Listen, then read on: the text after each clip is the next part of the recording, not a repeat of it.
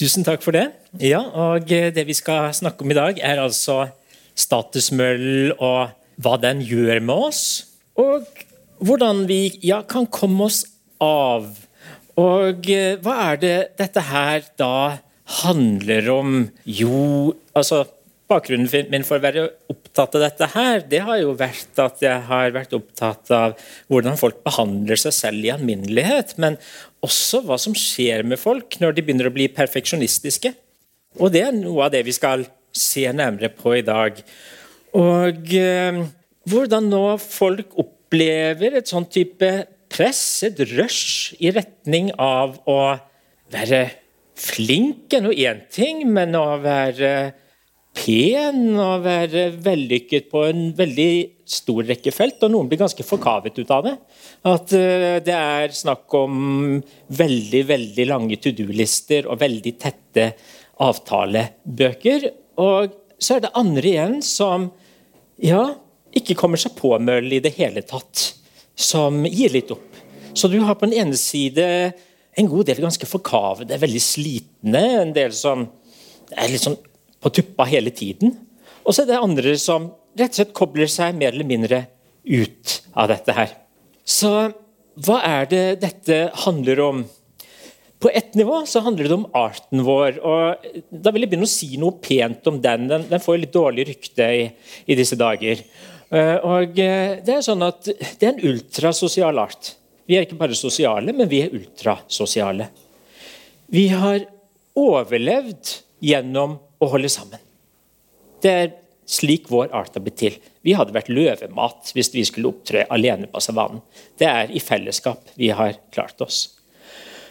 Vi er utvalgt på vennlighetskriterier. Altså vi snakker om 'survival of the fittest'. Eh, blant mennesker så har det òg vært 'survival of the friendliest'. Det at du er vennlig, det betyr òg at andre vil ha deg med i flokken sin. Så det er et suksesskriterium. Leter du etter en venn, hva ser du etter? Jo, det er en som da er vennlig. Du eh, tar ikke den som prøver å dominere deg. Og eh, når du ser etter en partner, så er det ganske mye samme kriterium aller først. Så kommer det et par andre ting òg, men vennlighet kommer først. Og vi blir fysisk og psykisk syk av isolasjon. Slik at det å være isolert skårer jo på også fysiske helsekriterier like ille som, som, det å røyke.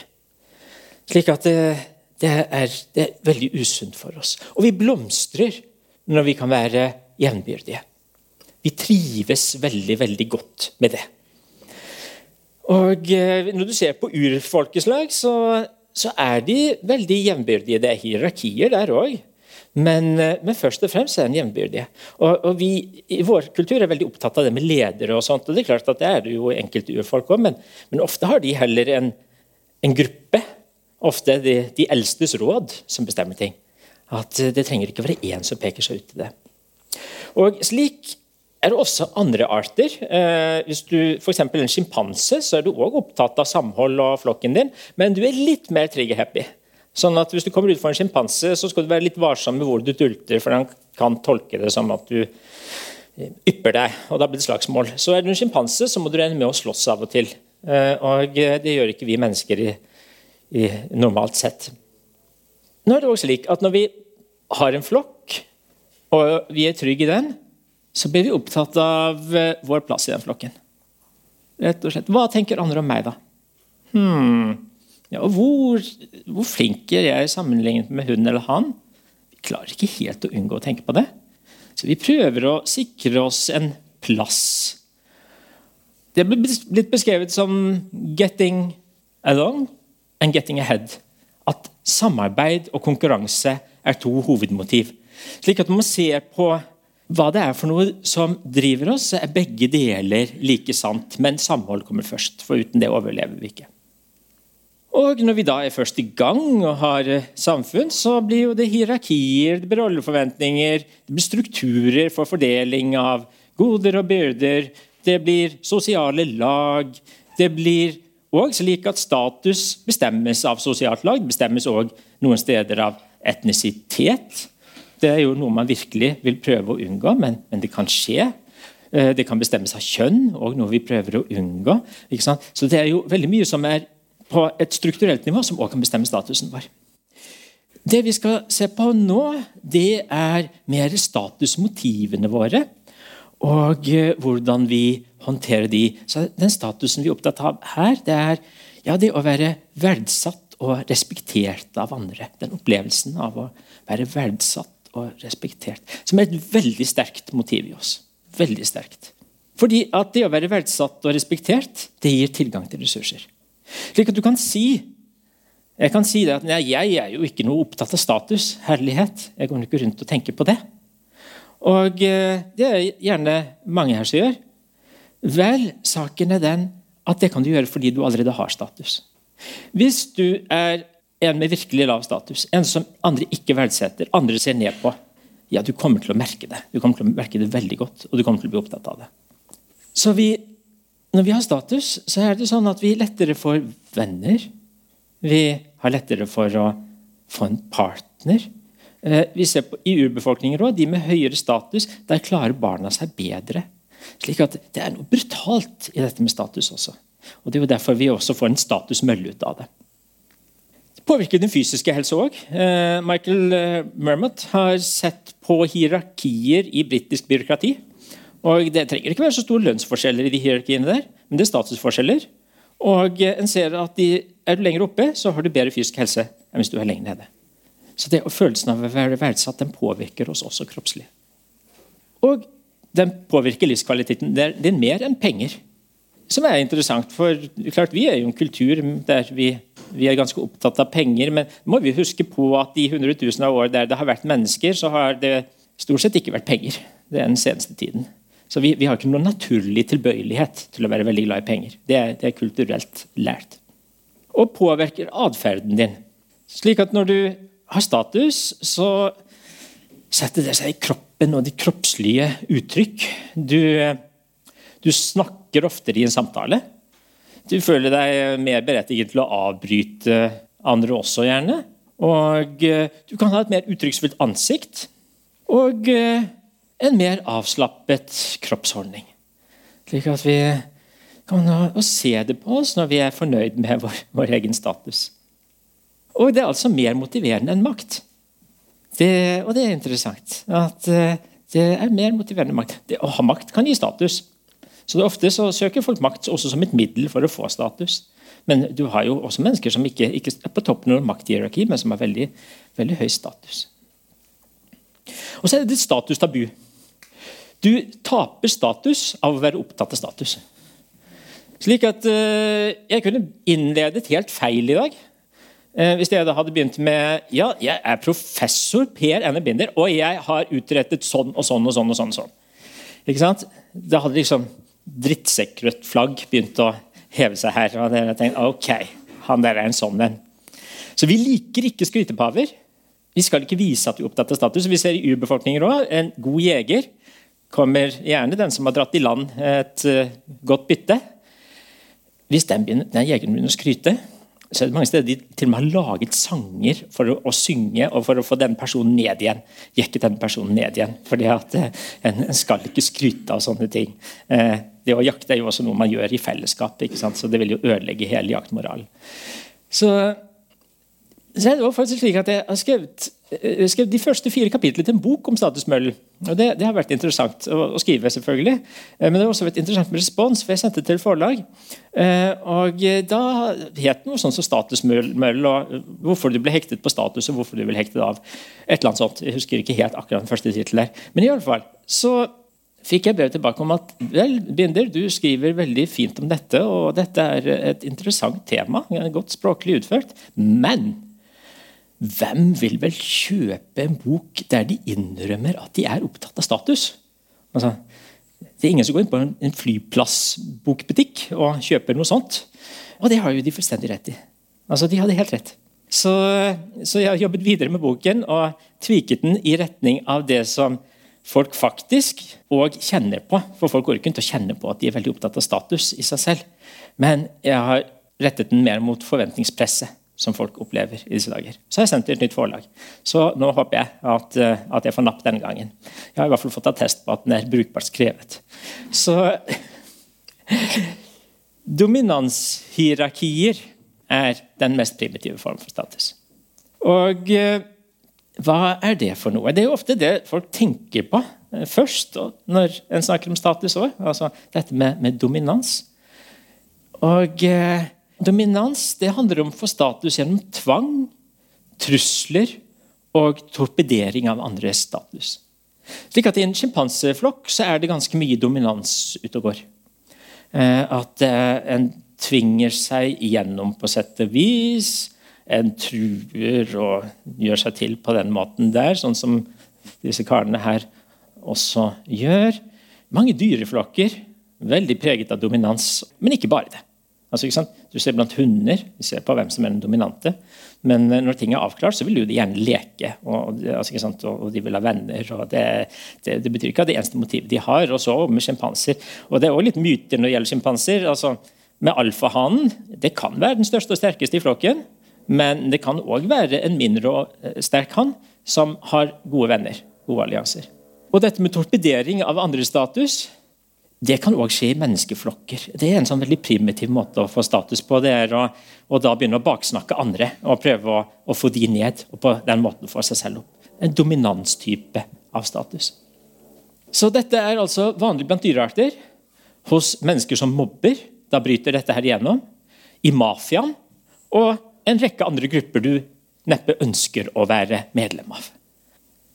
En evolusjonsforsker som jeg synes er veldig spennende, Richard Brangham, han eh, mener at eh, vi var ganske trigger-happy en gang i tiden. altså at Mennesker sloss en god del.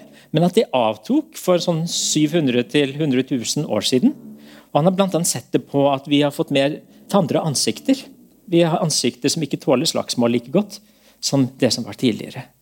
Eh, og det han også mener her, er det som har skjedd blant menneskene, er at brutale, impulsive, voldelige alfamenn mistet draget på damene. rett og slett. Altså, Det var ikke den typen eh, menn som var attraktive lenger. Det var ikke attraktive som venner lenger. Og det var symbolsk status overtok. Altså andre typer av status. Så er det også slik at det er en rest av dominansmotivet i oss alle. Altså, Når vi føler oss tråkket på, så hever vi gjerne stemmen. Da, det, er en sånn, det er en statustype måte å forholde seg på som, som overtar. Og, og, det er ofte en miks. Altså, du kan si at En boksekamp kan jo se ut som handler om dominans. Men så er det jo også regler i en boksekamp. Og eh, hvis du bryter de, så, så taper du all ære. Altså, det, det, er skammelig. Det skal du ikke. Så de ulike motiv de blander seg sammen. Det som viser seg er at Dominante personer har lettere for å få lederposisjoner.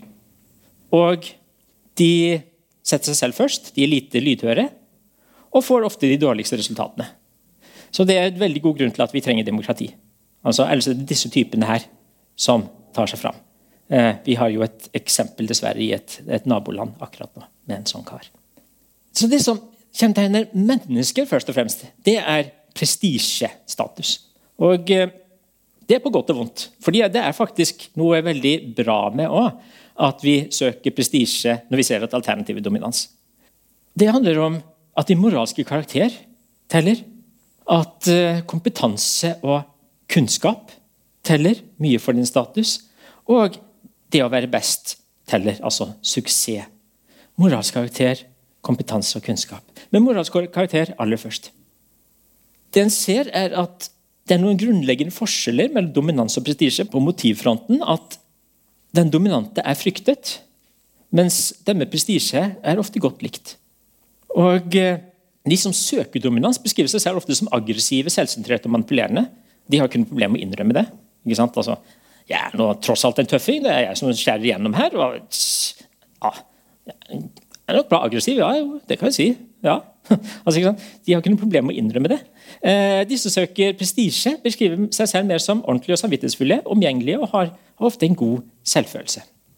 Så det er ulikt. Og ofte så har de som søker prestisje, noe lavere testosteron eh, enn de som søker dominans. Det er kanskje ingen bombe.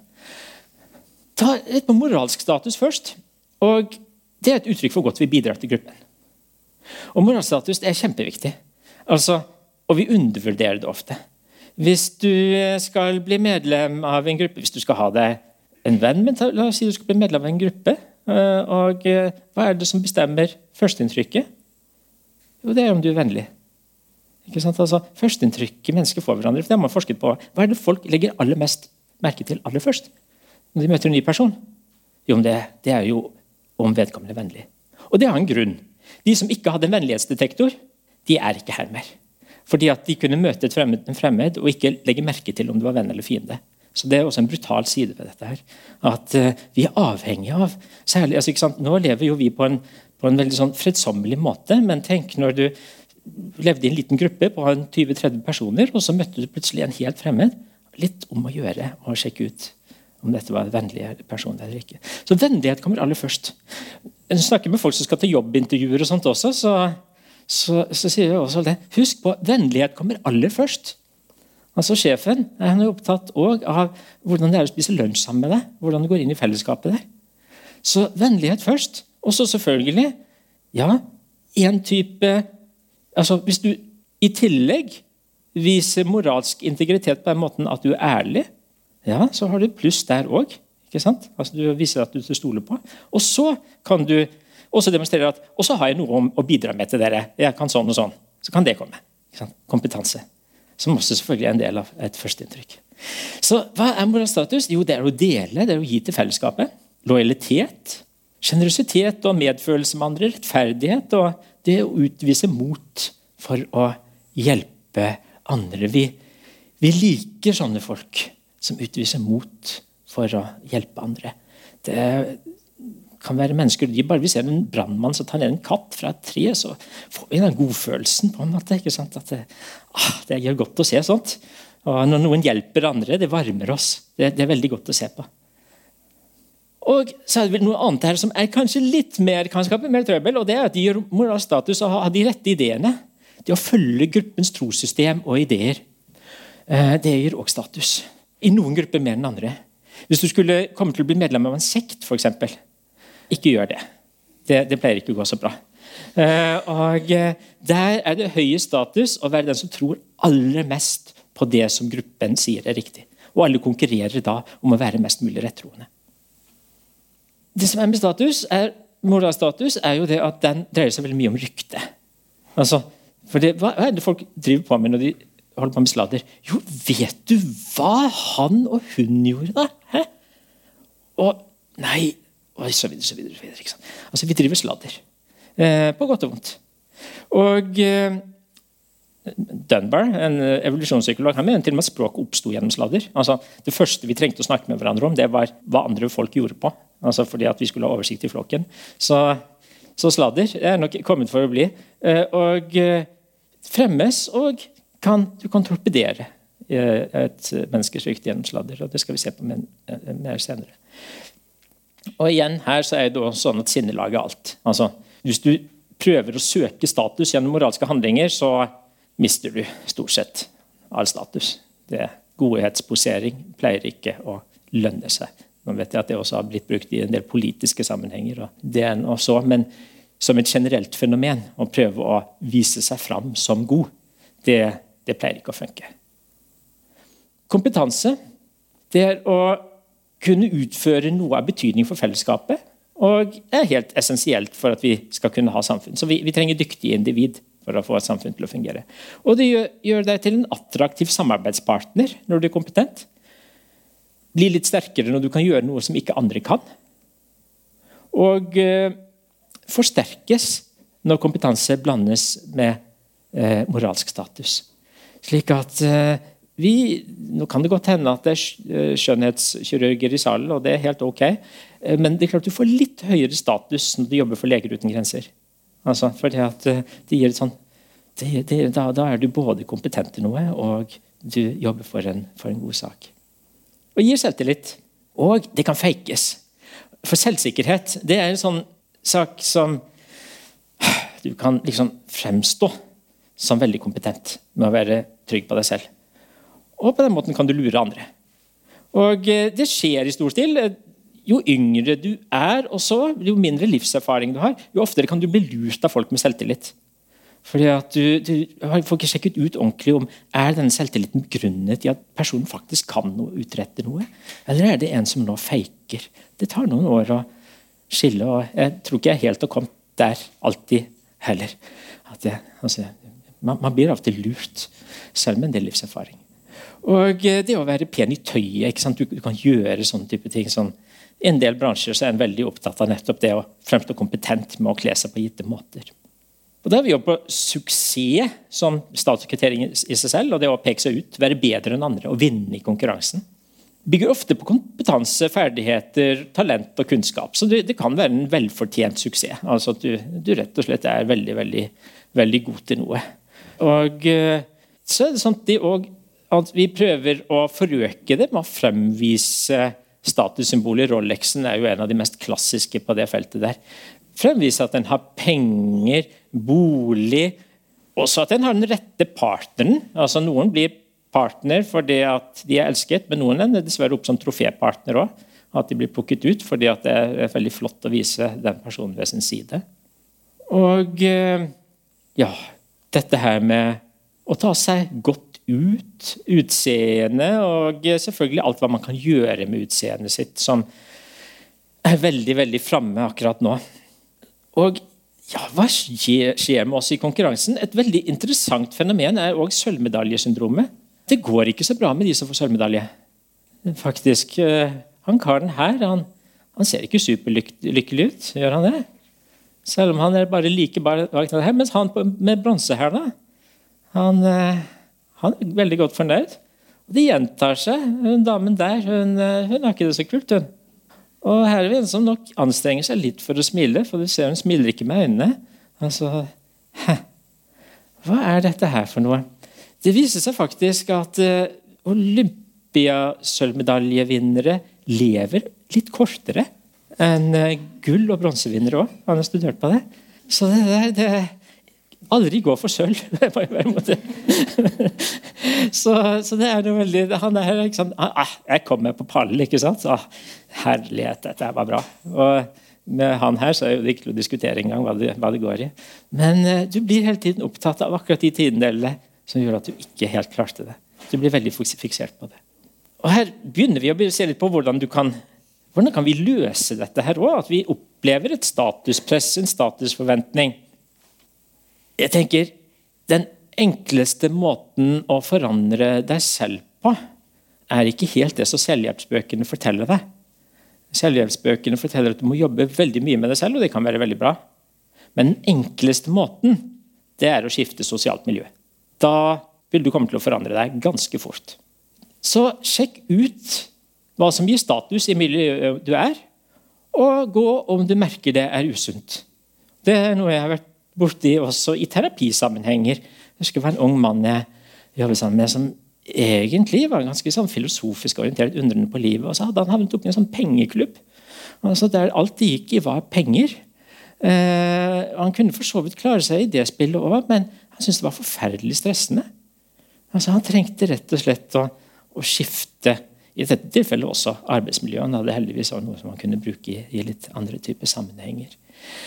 Så um, Sjekk ut om det er sunt, hvis du kan endre på det. Altså Enkelte grupper er man bare født inn i og kan gjøre lite med det. Men sørg for da, hvis familien din eh, har statuskriterier som du, du vet verken driver deg på noen god måte og får deg til bare til å føle deg mislykket, da blir det desto viktigere å andre grupper. Slik at uh, Her tok jeg bare med noen litt så forskjellige grupper. altså Her er vi heavy metal-fans, tenåringer. Det går stort sett mye mye bedre med de enn de foreldrene frykter. Så det er ofte sunn ungdom, det. Og det er klart at det er ikke sikkert at han kule karen der og hun kule jenta der hadde vært toppen på fotballbanen, f.eks. Det er ikke sikkert. Ikke men, men de, de, kan ta status i sitt miljø. Og ja, her er vi sangkor. Det er jo veldig ok at man gjør ting sammen, men det kan bli spissealbuer der også. Altså på, mye snakking om hvem som, som virkelig, virkelig, er dyktig. Eh, og Da kan du vurdere en fugletitterklubb, f.eks.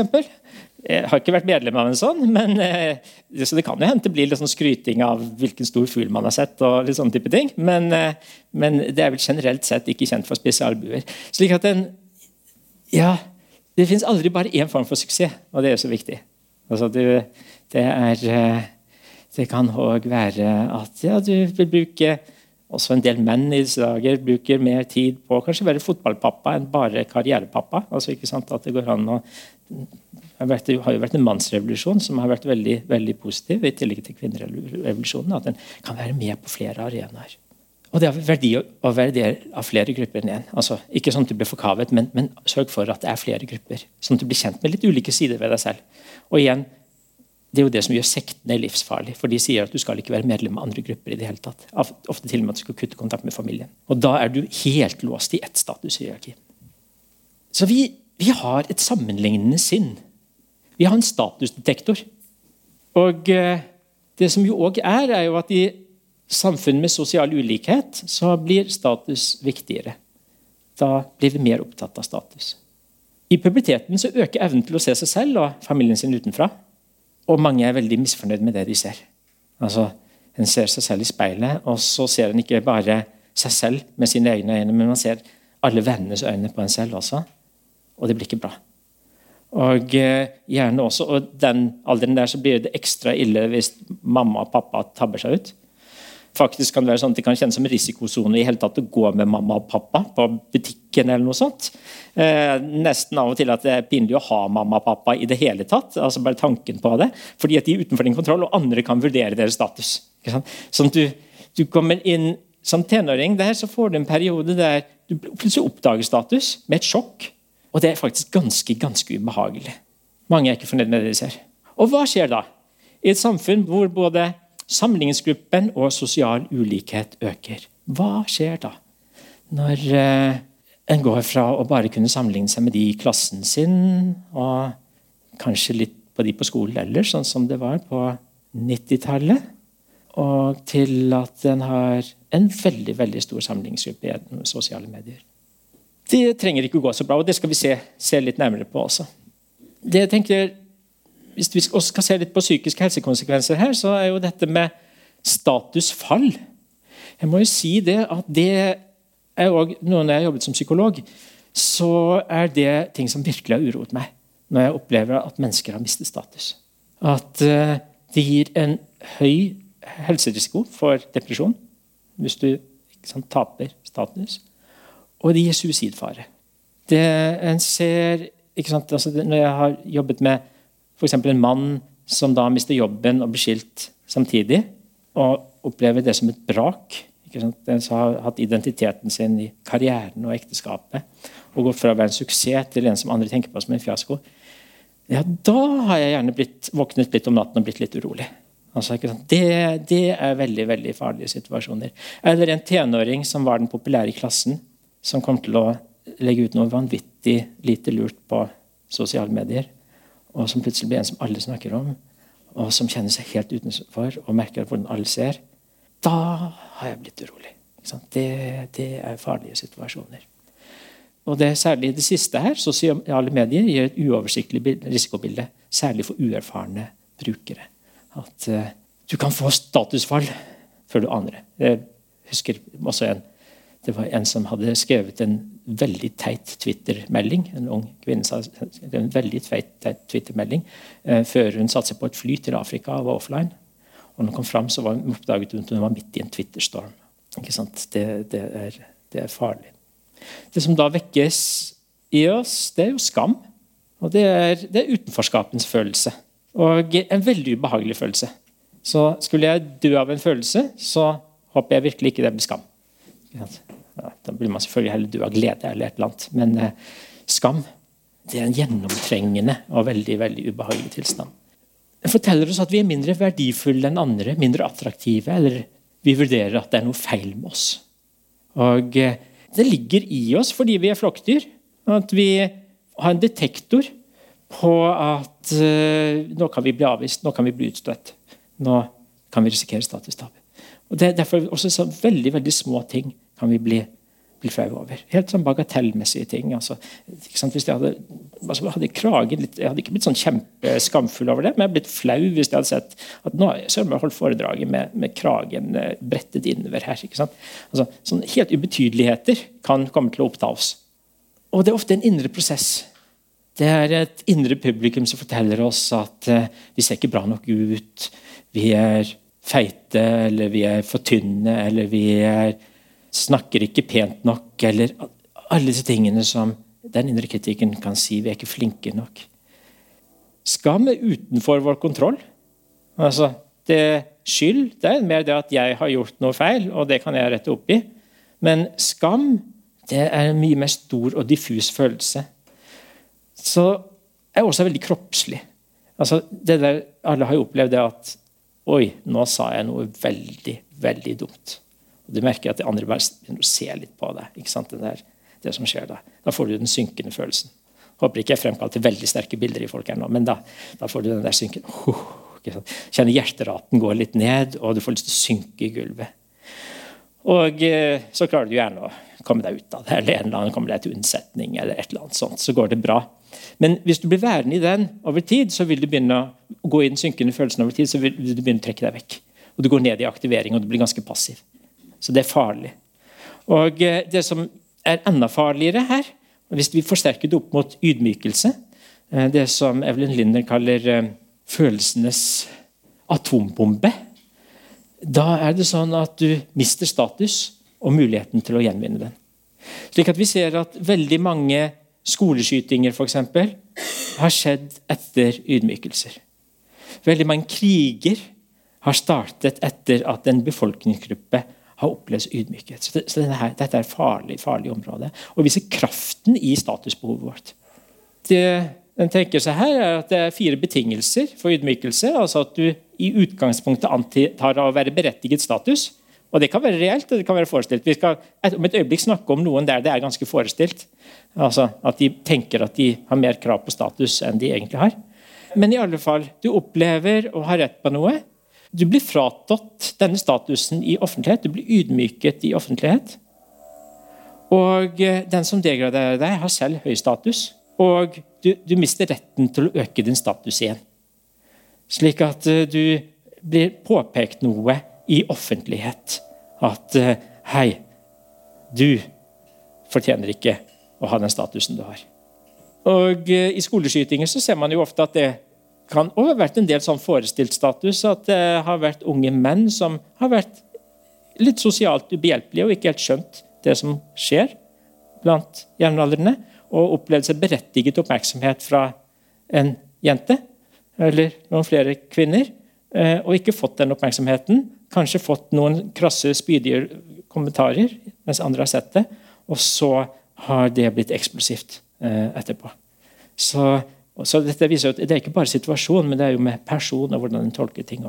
Jeg skal ta en litt spesiell gruppe her. og eh, Det er når mennesker utvikler narsissistiske trekk, så det går an å ha litt av noen og enhver, eh, uten at det på en måte blir en fullstendig stor del av personligheten. Men narsissisme handler om at status blir alt. At du blir hektet på alt som stimulerer selvfølelsen. At du nettopp blir fullstendig revet inn i statusmøllen. Du blir avhengig av likesene dine. Du blir avhengig av de positive kommentarene. Du blir avhengig av at noen viser beundring for deg. Og uh, I tillegg så har du gjerne en følelse av å være særskilt berettiget. altså ja, det er jo meg. altså Det er jo selveste professor Binder. Og jeg har krav på at folk uh, ikke sant, altså Hvis den begynner på den galeien der, så er det jo også stor risiko for å bli ydmyket. Fordi at uh, folk ser at nei, du fortjener jo ikke all den oppmerksomheten der på den måten. De får lyst til å si ifra. Når du er i narsissismen, når du er der at du er avhengig av beundring, så blir andre publikummet ditt, og du mister det med jevnbyrdige. Fordi at uh, du har ikke likeverdig kontakt med andre lenger. Hvis du virkelig går inn i dette her. Og uh, du bruker andre som midler til å heve egen selvfølelse. Og du blir ensom. Bak der. Uh, jeg har jobbet med en god del mennesker som har hatt narsissistiske trekk. Og vi ser hvilken ensomhet som ligger bak der. For andre er bare publikum. Det er ikke vennskap der. Og det har vært en økning i narsissistiske trekk i befolkningen, sier Jean Twench. Hun har brukt samme spørreskjema over noen tiår og mener å ha sett en økning der. Så hun lurer på om konkurransesamfunnet vårt faktisk stimulerer narsissisme. Konkurransesamfunnet stimulerer også helt andre ting. Den, eh, grafen her den kom i Nature for et par år siden, i en artikkel der en ser at noe skjedde rundt om 2010, og særlig med jentene, at depresjon økte. Og det ser man veldig mange steder. Og eh, Det som Jonathan Haight og Alan lurer på her, er jo har det sammenheng med at en begynte å ha sosiale medier i lomma. Ikke sant? Det var da iPhone kom. Det kan være andre ting òg, men jeg tror ikke drikkevannet begynte å endre seg i 2010. Så klart, Vi vet ikke om det er en virkelig årsakssammenheng, men, men det skjedde i hvert fall samtidig. Og eh, Det en òg ser, det er at perfeksjonisme har økt de siste ti årene. Mennesker, Særlig unge mennesker er blitt mer perfeksjonistiske. Og det handler om, ja, Hva handler det om? Jo, det er å ha store forventninger til seg selv. kan perfeksjonisme handle om. Og det kan handle om å oppleve andre har høye krav til deg og stille store forventninger til deg.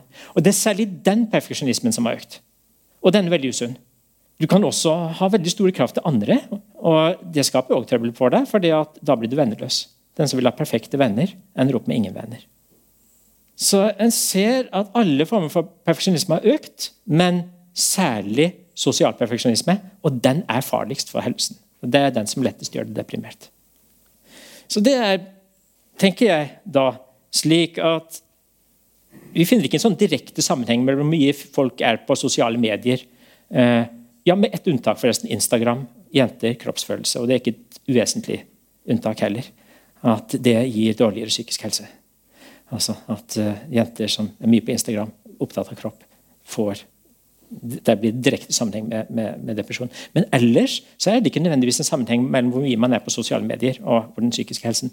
Men det jeg tenker på, er jo, hva er det det gjør med kulturen vår? da? Altså, Hva gjør det med tenkemåten i det vanlige livet, som da ikke skal være vanlig lenger? Vanlig blir et sånt litt vanskelig ord. Altså, jeg husker Jeg hadde hatt et foredrag en gang. Det kom en, uh, om, faktisk, om betydningen av det vanlige livet. Uh, og så var det en som kom bort etterpå og spurte ja, hvordan synes foredraget var. Jo, det var noe ganske vanlig. altså Gjennomsnittlig. så det var, Men før jeg skjønte at det var spøk, hvordan jeg også kunne kjenne dette var litt ubehagelig. altså vi, vi, vi, ønsker å høre at vi er ekstraordinære. Livsperfeksjonisme eh, tenker jeg er noe som har bedt seg her. og Det er liksom en livspakke av vellykkethet. Altså, det skal være både karrieren det skal være fritiden. Vi skal ha et stort vennenettverk og vise fram at vi har det. Og eh, en sunn og pen kropp. ikke sant? Du skal beholde sommerkroppen til langt ut i 80-årene. Det, det, er ikke bare sånt med ungdom, men altså dette her er gjennomsyrer veldig mye. Positiv selvfølelse, positive tanker skal du ha, og positive følelser. Du skal være glad mesteparten av tiden nå. Og det er klart at da føler du at ting burde vært annerledes. Da, da føler du misnøye med deg selv. Og eh, du kan ikke være til stede i livet ditt sånn som det er. For det er jo alltid ufullkomment. Altså, ikke sant? Det, det, er alltid noe som skulle vært litt annerledes. Så perfeksjonisme det, det, er skummelt, eh, fordi det er òg noe som skaper avstand til andre. Altså, Når du presenterer deg selv som veldig perfekt, så føler andre seg målt og nedvurdert. Og eh, så blir det også at Du kan komme inn i en vond sirkel der du begynner å skjule din egen sårbarhet fordi at du vil være perfekt. Du forteller ikke at du har det vondt, du forteller ikke at du strever, fordi det er et nederlag. Og da blir du ensom. Altså, det gir isolasjon. Og så kan du komme inn i en vond sirkel der du prøver å kompensere det med å bli enda mer perfekt. Og Den sirkelen har jeg møtt mange, mange mennesker som er i. Den er skummel. Så da blir spørsmålet, og Jeg har jo allerede antydet det. En veldig viktig del av det å hoppe av statusmølen er jo egentlig ikke å hoppe av den, men å finne ja jo, å hoppe av statusmøllen, men å finne andre former for status. Altså At du må sjekke ut hvilken gruppe du tilhører, og hva det går i der, og om det er bra for deg å være der. Så, så, Det tenker jeg er et bud nummer én her. Så er det òg det å dyrke vennskap. Og eh, hva vil det si? Det finnes jo mange former for vennskap. Altså, du har noen som kanskje først og fremst uavhengig av alder er lekekameratene dine. altså at Dere syns det er gøy å gjøre ting sammen. Og Det er en kjempeflott form for vennskap. Så har vi også mer sånn dype vennskap. Og Hvordan er det det kommer til? Jeg eh, husker også var det noen som snakket med meg om men hvordan får man venner i voksen alder. da? Ikke sant? Altså, fordi at det er jo, og Egentlig så begynner jo voksen alder etter ungdomsskolen, omtrent. Altså fordi at det, det, er jo det, man begynner å skifte litt på grupper og, og sånn som man er i. Nå igjen er at du viser at du verdsetter andre. faktisk. Det er undervurdert hvor viktig det er for andre folk å høre at du verdsetter dem. Så Ofte så tenker vi ikke på hvor viktig det også er for andre å høre det. Og eh, det å våge å vise sårbarhet. At du nettopp kan, kan, vise at du har noen ting som du prøver å få til, som du kanskje ikke helt lykkes med, kanskje noe du strever med. Det er noe som gjør at andre ser din menneskelighet. Og det kan kjennes selvfølgelig også som et uh, litt skummelt sted å, å gå. Men uh, det er jo da et vennskap virkelig tar til. Og dette med vennskapelighet også uh, tenker En har også vært opptatt av dette med takknemlighet, og det tenker jeg er en veldig fin ting. Altså, Legge merke til ting du er takknemlig for. For det, det har en kraft i oss. Og nå tenker jeg ordentlig takknemlig. Ikke sånn at du går rundt og tenker at du burde bli takknemlig, for det, det blir du bare deppa av. Men ting du helt sånn genuint altså, og, så det, På noen av de kursene jeg har hatt også, for mennesker som strever med perfeksjonisme, så, så det, legg merke til ting som du spontant merker at du er takknemlig for. Altså Bare sånn at solen kom fram, eller at en hund logret når den så det, eller hva det er for noe. et eller annet sånt, altså De tingene teller. Og så er det noe som er helt utrolig kraftfullt. Og det er Forestill deg en gang du gjorde noe for en annen som den andre ble takknemlig for. Altså, Den gangen en annen var virkelig dypt takknemlig for noe du hadde gjort. Og Det å ta fram det bildet der, det er et veldig kraftfullt bilde. Og Det er et bilde som forteller veldig mye av hva vi mennesker trenger. Hvordan vi trenger å ha det sammen. At vi, vi faktisk blir lykkeligere av å være vennlige. Stille spørsmålet hva er det som virkelig gir mening og glede i livet? Er som virkelig gir mening og glede i mitt liv, sånn som det er? Og hvis jeg prøver å forestille meg at, at livet kom til slutten, altså hvis jeg forestiller meg i den enden og ser tilbake, hva er det som virkelig har vært viktig for meg? Hva som virkelig har gitt meg glede og mening? Jo, det er kanskje ikke at du hadde veldig veldefinerte biceps, f.eks. Det var kanskje ikke akkurat den Teslaen. Det var kanskje ikke altså, det var ikke de statussymbolene dine.